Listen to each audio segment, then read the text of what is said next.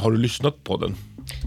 Ett avsnitt har jag lyssnat inför detta. Mm. Då vet du vad du har framför dig. Ja. Det är väldigt mycket Daniel här. varn, varnade eller lockade med debil stämning och det tyckte jag lät bra.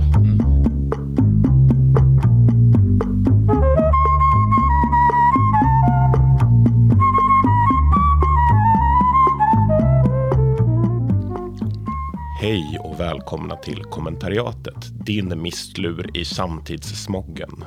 Jag heter Johannes Klinell och med mig i morgondimman har jag min ständige fiende på ledarsidan, Daniel Svedin. Hej. Hej, hej. Eh, Och vi har ju också med oss en vikarie idag. En så kallad gäst. Kristin Macmillan från Dagens ETC. Hej. Hej! Kristin och jag är kulturskribenter, så för första gången i poddens historia är ledarsidan i underläge. Hur känns det, Daniel? Eh, jag tycker att det känns ganska bra. Jag tänker att nu ska vi äntligen liksom få, ja, få veta någonting om, om det lite mer sublima här i livet. Sånt som ni sysslar med. Jag är ju mera, ja, sysslar med dagspolitik. Nu blir det liksom de stora ämnena. De stora greppen. Känner du dig redo för det här, Kristin? Om jag gör. Vad tror du vi kommer att prata om då, Daniel? Jag tror att vi kanske kommer... det är så, det är så dumt. Världens dummaste brygga.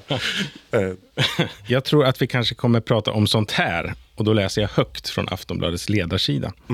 Det här har Anders Lindberg skrivit. Citat. Själv tänkte jag osökt på Taylor Swift när KD höll pressträff och på hennes hit Blank Space. So it's gonna be forever or it's gonna go down in flames. Det kommer vara för evigt eller brinna upp. Och det är främst Alice Teodorescu och Måves karriär som politiker jag tänker på. Kristin, är det officiellt över för Taylor Swift nu när Anders Lindberg citerar henne på ledarplats?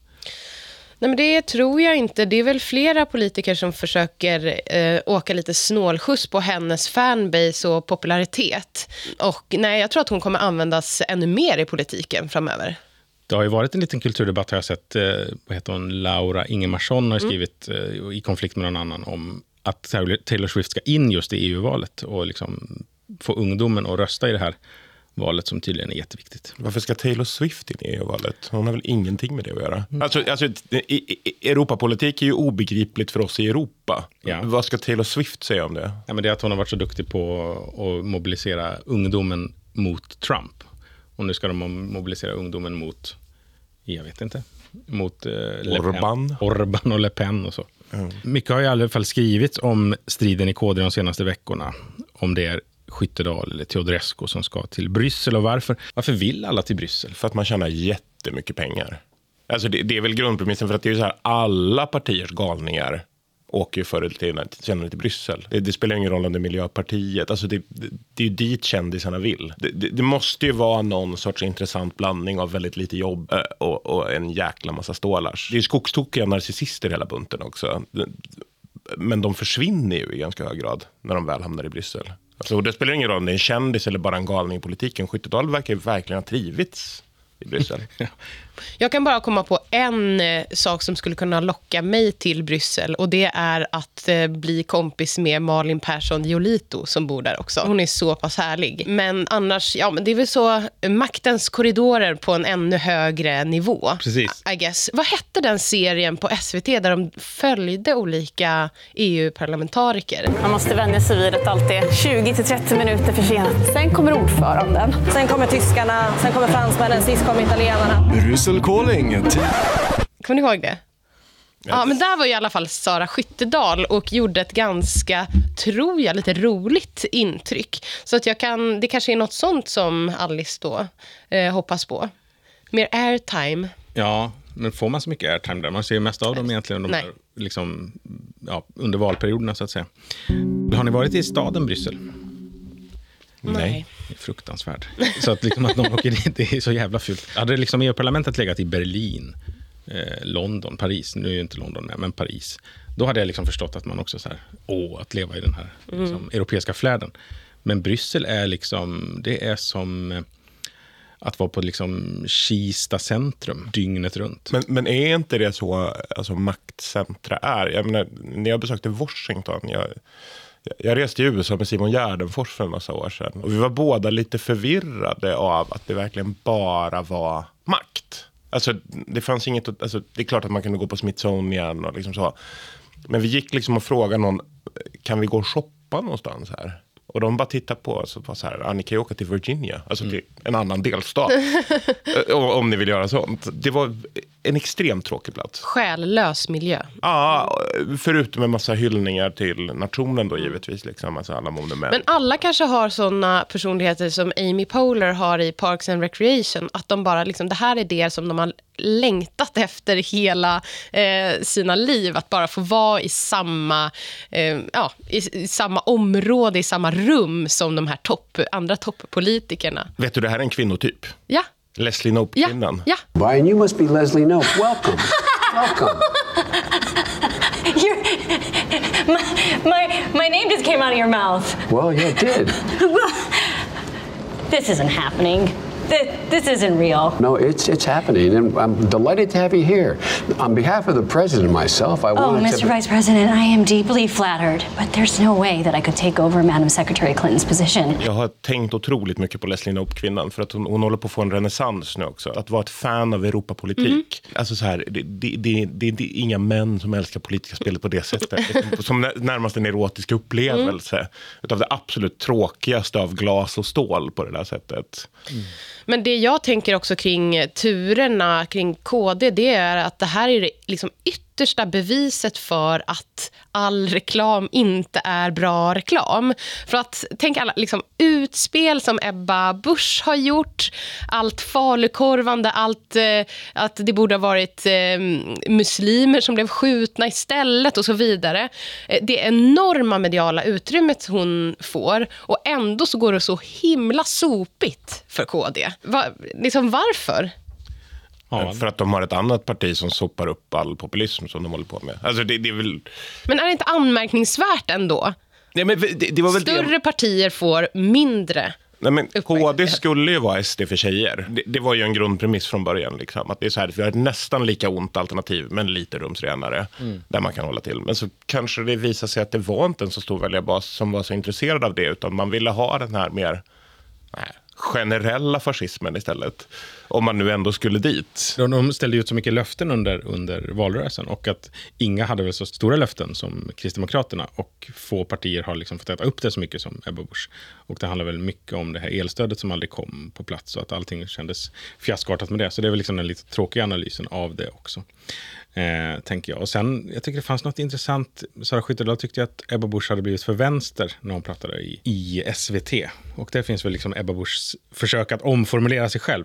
Att hon plötsligt tycker att här, vindkraft är helt okej. Okay. Hon försöker hitta en ny roll. Och Ebba eh, Skyttedal vill inte vara med på det tåget. Mm. Jag tror att du har rätt där. Men vad kommer Alice Teodorescu Måwe ge oss?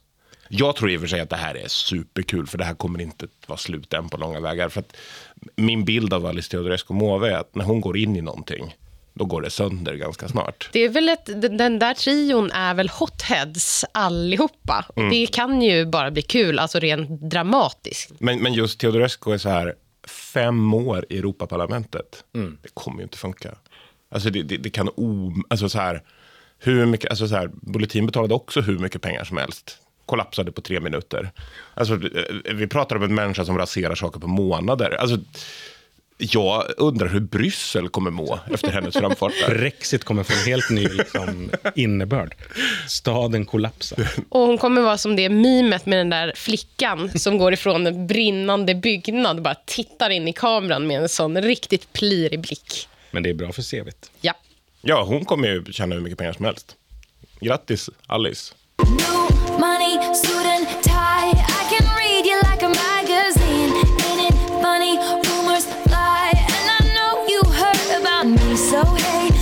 be friends. I'm dying to see how this one ends. Grab your passport and my hand. I can make the bad guys good for a weekend. Ja, eftersom jag är lite utanför mm. sex och samlevnadsbiten. Mm. Uh, yrkesmässigt. Yrkesmässigt, ja. Jag skriver ju om viktiga saker. Gift vid första ögonkastet, Love is blind och Tinder. Är det livet för en studentska i Borås? Nej, det är en helt vanlig vecka på de svenska kulturredaktionerna. Ni gör inget annat än att skriva om sex och samlevnad, det vet alla. Idag skrev du till exempel om ofrivillig barnlöshet, Kristin. Mm -hmm. Varför? Varför jag skrev den texten? Ja, bara kort. För sen ska jag läsa vidare i mitt Eh, val. Ja, den hade väl inte så mycket med, med Tinder att göra, men Sara Martinsson, eh, DN-journalist, har ju kommit med en ny bok som heter Kvinnor utan barn, där hon beskriver hur det är att vara en kvinna utan barn och att bli ständigt bombarderad av familjenormen i olika sammanhang, bland annat från influencers som kapitaliserar på familjenormen och ja, säljer ut hela sina liv. Och hur hon känner sig alienerad när hon möts av de här liksom, reklamfinansierade budskapen om det perfekta familjelivet. Och den boken har fått kritik, bland annat från Expressen Kultur, där Lyra Ekström Lindbäck, heter hon så? Skriver att eh, Sara Martinsson, hon är inte alls ut, liksom, utsatt eller förtryckt, utan hon är bara, inom citationstecken, avvikande. De flesta kvinnor vill någon gång i livet bli gravida. De som aldrig vill är avvikande. Sara Martinsson tillhör den gruppen. Ganska, lite grovt, tyckte jag. För att Sara Martinsson i sin bok så skriver hon tar hon fram liksom studier på vilka ord som kopplas till just barnlöshet och sådär. Eh, och det är avvikande är just ett sånt ord. Man anklagas för att vara så här prestationsfixerad och kän, ha liksom, vara känslokall och sådär. Så då tyckte jag att jag behövde rycka ut till, i försvar till ja, men dels rätten att få vara barnlös utan att bli anklagad och misstänkliggjord. Men också ja, skriva lite om kritiken från influencers. Som deras reaktion på Sara Martinssons text var så här, men papporna då? Varför kallas inte de för pappabloggare? Och det tyckte jag var ett lite slentrian-argument. Jag saknar pappabloggarna. Ja, ja. Det Om ni har de här som hade liksom så här ett barn under armen, lite muskel, alltså Mm. markerad biceps. Alltså den här Hoa Hoa Dahlgren-bilden fast i modern tappning. Och så liksom ett rejält pappabloggande. Ja. Mycket funderingar vid barnvagnen. Får vi se, du får göra den själv om det skulle bli dags. Jag tror inte det är möjligt tyvärr. Ja.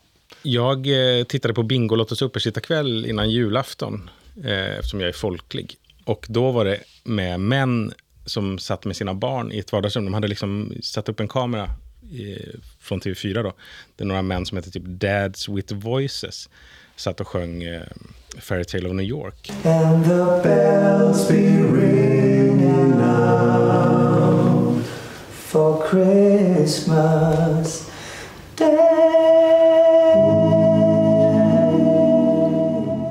Och de kände som att de var liksom pappabloggare tio år senare.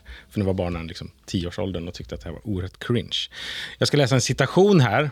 Eh, Det mest banala datinggnäll upphöjs till kulturdebatt. Folks personliga relationspreferenser fortsätter att utmålas som generella sanningar med bäring på samhället i stort. Det här skrev Malte Persson, poet, en gång.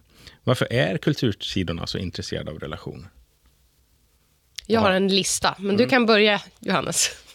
Det finns ett spelrum som jag upplever, liksom så här, eller en gråzon mellan till exempel ETC Kultur och ETC Vendela, om vi skulle vara sådana. Liksom. Alltså, där det finns då ett antal... Vad är man- ETC Vendela? Ja, det är då när man går över till relationsfrågor mer än kanske kulturfrågor. Men jag börjar prata väldigt mycket om Tinder. Man skulle kunna säga samma sak om arbete och kultur. Det är bara det det blir så få sådana texter här av någon anledning. Alltså jag tycker det är väl klart att man kan säga så här, varför skriver inte kultursidorna om någonting viktigare?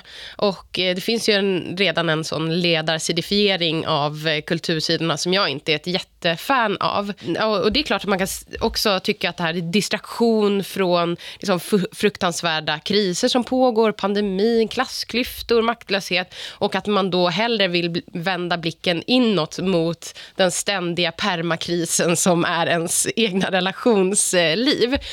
Eh, men sen så finns ju jättemånga liksom, intressanta saker som man kan projicera på, på just Tinder eller på relationer. Alltså de, dels har ju nätdejtingen blivit så jätteövertydligt bevis på, på den kapitaliserade, eh, alltså konsumistiska synen på kärlek eh, och relationer. Så att det är väldigt tacksamt att skriva om hur vi tror att vi ska kunna nätshoppa döpa oss till ny kille till exempel. När alla vet att det inte är så som eh, attraktion funkar till exempel. Och eh, det, är väl, det har väl aldrig varit lätt att hitta någon vettig. Liksom. Men nu har man så eh, en app att skylla på varför det är så jävla svårt. Borde det inte bli lättare när utbudet är så mycket större? Ja, men det är ju inte större, det bara verkar som att det alltid finns en ny att, eh, ja, Konsumera. Ja, en ny att konsumera. Ja. En annan sak som gör att vi då skriver mycket om det här är att det är så himla lätt eh, att... Det krävs ju ingen research egentligen. Man kan bara swipa lite och ja, skriva lite och så går det att fakturera direkt. Liksom. Och det väcker mycket känslor. Det går alltid att hitta någon som blir jättesur eller håller med jättemycket. Det gillar vi, eller hur? Ja, men det gör vi. Eh, jag, jag håller helt med eh, om, om, om den biten. Det, det är ganska enkelt att närma sig. Ja, det, men jag tycker också att det är lite intressant för det är också väl, ett, det är ett outtömligt område för gnäll också. Alltså så här som folk kan relatera till. För att folk själva tycker att saker är jobbiga. Jag, jag, tycker att, jag, jag är ganska spänd över det. Jag skriver inte så jättemycket om, om, om det här för att jag är ganska privat själv. Men jag tar jättegärna emot texter om det för jag tycker att det är intressant att läsa om. Faktiskt. Jag tycker Du att, ser väl också att de texterna blir lästa? ja, i hyfsat hög grad är det, är det så, absolut. Ehm, Jag är lite förvånad över att ingen överhuvudtaget har skrivit en text om att det har gått bra att använda Tinder till exempel. Min erfarenhet faktiskt är tvärt emot det mesta jag läser där. Jag separerade efter, Skryt. nej, men jag, jag separerade efter åtta år. Johannes Eh, Klenell, vet ni hur bra det gick för mig på Tinder? Ja, eh, 5000 tecken, minst. Varför- Men jag var på väg att skriva den faktiskt under, under Ja. Tindermamsdebatten. Ja. Jag kände efter ett tag att någon måste ju ändå skriva så här att nej men jag dejtat ett antal personer där. Några har blivit relationer. Jag har jättebra relationer med de personerna som jag har dejtat där. Än idag, flera är kompisar. Jag tycker inte jag har träffat några konstiga människor. Oj, Eh, oj, oj. Det var ganska lätt. Då var det du som var den konstiga. Just saying. Okej. Men han är ju kompis med dem. Ja, nej, men alltså det, jag tror att en sån text eh, verkligen hade kunnat bli läst också. Och jag har själv flera kompisar som har blivit ihop med liksom, eh, personer från Tinder, fått barn och så vidare. För verkligen framgångshistorier. Men så här, journalistik söker väl ofta så här, konflikt eller men jag- så. Annars blir, ja. Jag kan tycka ibland att, att den är lite enkel för den är väldigt byggd på till exempel den rödaste rosen som slår ut av Strömquist. En person som aldrig har använt nätdejtande överhuvudtaget och har noll erfarenhet av det. Men som då använder andra källor för att liksom beskriva det här. Vi har byggt en ganska enkel formula där som just handlar om det här kommersialiseringen av liksom dejtandet, algoritmer, nätjättar. Men det jag ibland nog kan tycka att vi på Kultursidan också glömmer, det finns relationer som fungerar. Ja, men det, är väl, det hör väl ihop med det här att det är mycket svårare att skriva en kärleksroman om att allt gick bra än en, en relationsroman om att någon var otrogen och allt gick åt helvete. Eh, ungefär. Det är svårare att skriva om lycka än om olycka. Eh, Men jag tänker också att här, anledningen varför jag läs, eh, har läst och fortsätter läsa de här eh, texterna om Tinder eller olika dejtingsåpor. Också bara, för att bara de liksom, orden i rubriken antyder att det kanske kan komma något lite juicy. Någon personliga detaljer, gnäll på det motsatta könet som någon var, av er var inne på. Det är roligt även om det ofta är ganska platt och så här, anekdotisk bevisföring. Så är det, så här, det finns ofta ett litet skvallervärde i de där texterna. Men jag tänkte på det, du sa Johannes om att du aldrig har skrivit själv. Finns det inte något i det, liksom, om man pratar om det här som en kulturdebatt, är det verkligen en debatt i den meningen att någon svarar? Alltså männen är väl ganska frånvarande? Det var ju det ett tag. Alltså kanske mannen, men också eh, en debatt om vem det var mest synd om. Männen eller kvinnorna, som bland annat Björn Werner eh, var med. Att med omsorg ladda upp sina allra finaste bilder, sannolikt tagna av en sexpartner när livet var ljusare. Kanske skriva något roligt, men inte för roligt. Svepa sig igenom ett enormt kartotek av attraktiva kvinnor. Och sedan förstå, nästan ingen vill, faktiskt, ha dig. i. Så ja, en sån, en sån debatt har det faktiskt varit. Men tycker du att männen är frånvarande i vad ska man säga, kulturdebatten om relationer? Ja, eh, det, det är ni väl. Skärp er. Men med det sagt så är inte ledarsidorna helt fria heller. Arbetet, där jag jobbar, där jag är redaktör, har publicerat en eh, ledarkolumn av Joel Stade med rubriken Otrohet är nyliberalism. Håller ni med? Håller du med? Det är väl det viktigaste. Vad, vad betyder det? Kan du tolka? Ja, nej, men han, han argumenterade för att, liksom, ja, men det är lite det du säger, liksom konsumistisk syn på eh, relationer och att den också går igen i, eh, liksom, i, i troheten mellan partners. Och att det liksom finns någonting i samhällsandan som liksom premierar det här liksom, slit och släng-mentaliteten i, inte bara liksom i dating, men att det liksom även smittar av sig på, på de liksom stabila relationerna. Och att det är eh, talande för liksom en nyliberal eh, ordning där allting ska liksom väljas och väljas om. Det är väl väldigt lätt att hålla med om, tänker jag. Och också att man hela tiden får information om saker man ska vilja ha. Att ja, ens, ens missnöje göds liksom från alla håll. Man får inte lika mycket eh, ja, tankar om hur man ska vårda någonting eller, eller så. Det smittar av sig på relationerna också. Finns det någon sån eh, Tinder-text som du inte skulle vara trött på då, Johannes? Som kulturredaktör? Någon ny vinkel? Tror du att det finns att rota fram eller är det liksom allt söndertuggat nu? Jag tycker att, att, att det har gått lite i stå. Alltså jag tycker att det är lite samma sak som diskussionerna om, säg incels eller så. Att, att, jag kan tycka att en, manligheten i kris är en mycket värre, för den har pågått i ja, 40 år, 50 år snart, liksom, och har sett exakt likadan ut i ungefär samma spinn under de 50 åren. Det är bara det att man har lagt till internet nu. Men, men om du går tillbaka till liksom Robert Bly-åren på 80-talet, då man pratade om det, så var det också att den västerländska mannen hade feminiserats och den frånvarande fadern och bla bla bla. Det är ju som du säger, det, det, det svåra är ju att formulera den andra sidan. Alltså, om, om jag ska vara lite rak, så liksom just det här jag separerade efter åtta år. Under den tiden, alltså när jag, när jag in, gick in i den relationen så fanns inte nätdejtande överhuvudtaget. Liksom.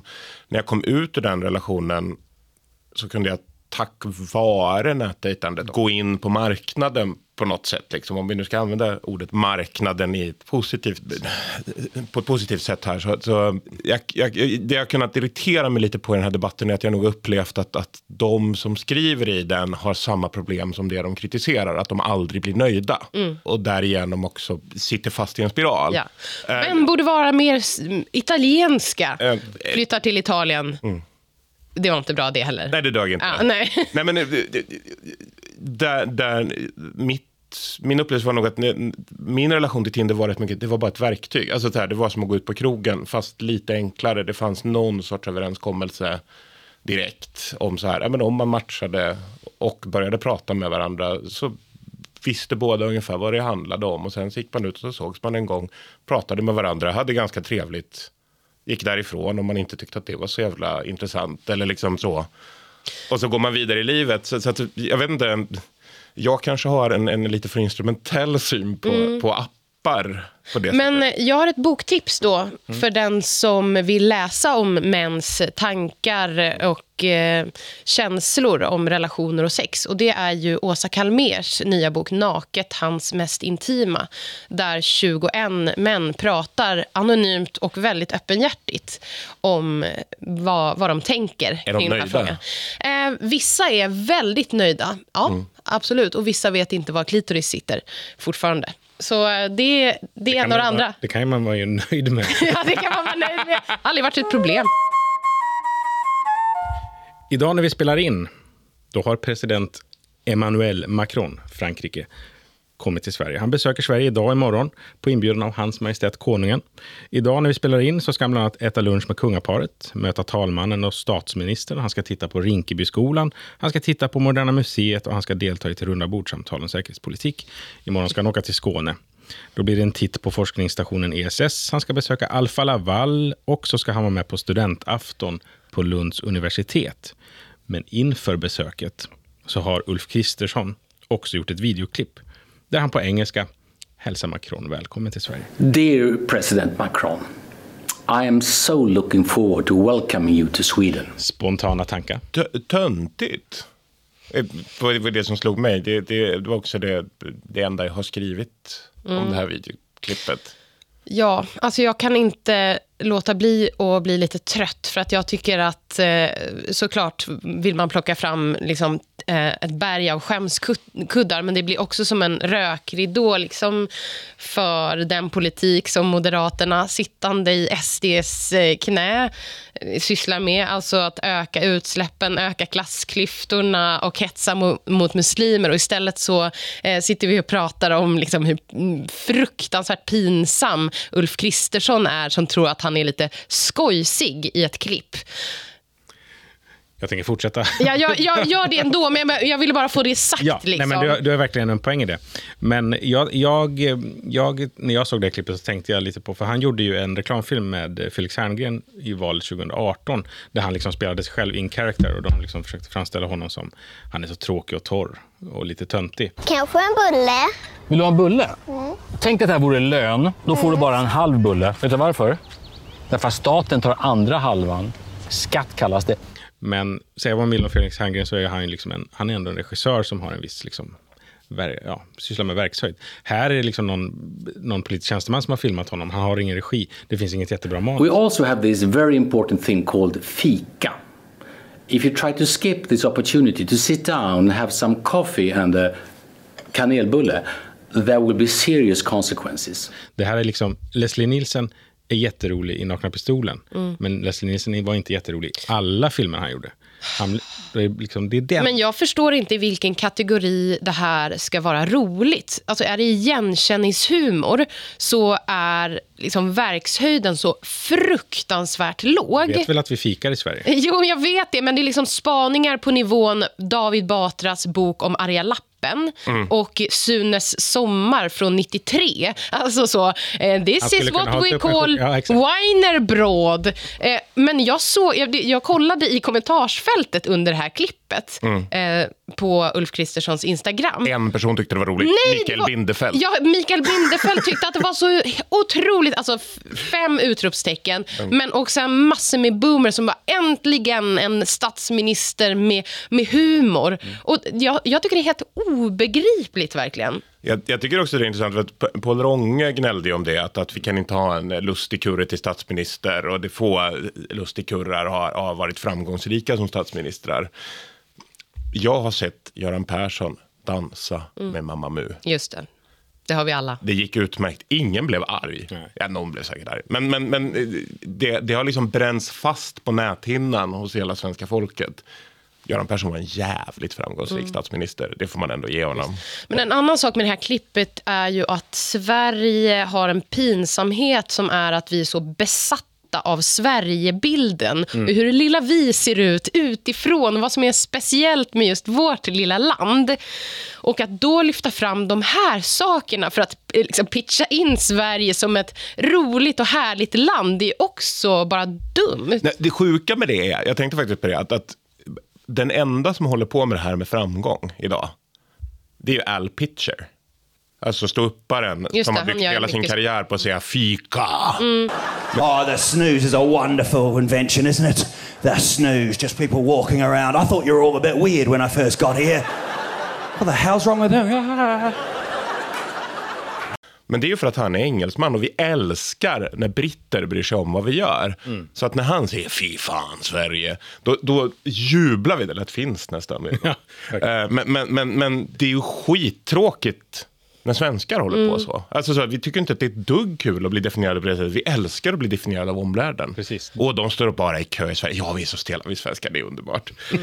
Men, ja, mo- Men, men när vi börjar prata om det själva, då blir det ju nästan lite hotfullt på ett sätt. Då är det ju bara ett tecken på att, att vi är extremt begränsade. helt, helt tomma. Helt tomma individer. bullar. Ja. Men man, man ser ju också att det lyser lite maktkåthet i eh, Ulf Kristerssons blick. Han är ju så jävla nöjd med att han ska få träffa Macron. Alltså det kan man förstå på samma sätt som sossarna lägger upp bilder på varenda gång Magdalena Andersson sitter och pratar i telefon med någon, eh, liksom Biden. värld, med Biden till exempel. Det ska upp liksom. Men, eh, eh, och jag fattar att Moderaterna gärna vill vara lite sköna och roliga i, i sociala medier. För ja, det, det är ju en framgångsfaktor, men det har ju inte gått jättebra alla gånger. Som det här spot, alltså, när de gjorde en variant på Spotify Wrapped med skjutningar eh, som var totalt osmakliga som de sen fick plocka ner till exempel. Men det är ju svårt att vara skön när man bedriver en väldigt oskön politik. Mm, alltså, det sant. kommer vi inte riktigt ifrån. Det, det, det, ver- verkligheten står ju och knackar på dörren där. Verkligen. På ett Men- rätt obehagligt sätt också. Absolut, men det känns väl som att Ulf Kristersson, inga jämförelser i övrigt, är liksom lite som ehm, Elon Musk på det sättet. Han, han vill väldigt gärna vara så här, jag är medveten om att jag är en töntig pappafigur, men eh, jag vill vara rolig och jag vill att liksom, ni tycker om mig för att jag är det. Eh, och det känns lite tillkämpat. Men eh, sen så tycker jag också att Ulf Kristersson rakt av ljuger. För att när, eh, han, alltså när Moderaterna och SD pratar om att liksom värna svenska kulturella värderingar så är det ju inte det här de menar. Liksom att eh, asylsökande ska börja skriva arga lappar. Dricka kaffe. Eh, eh, nej, utan det är ju att de ska sluta vara muslimer. Så det kunde han i så fall eh, ha sagt.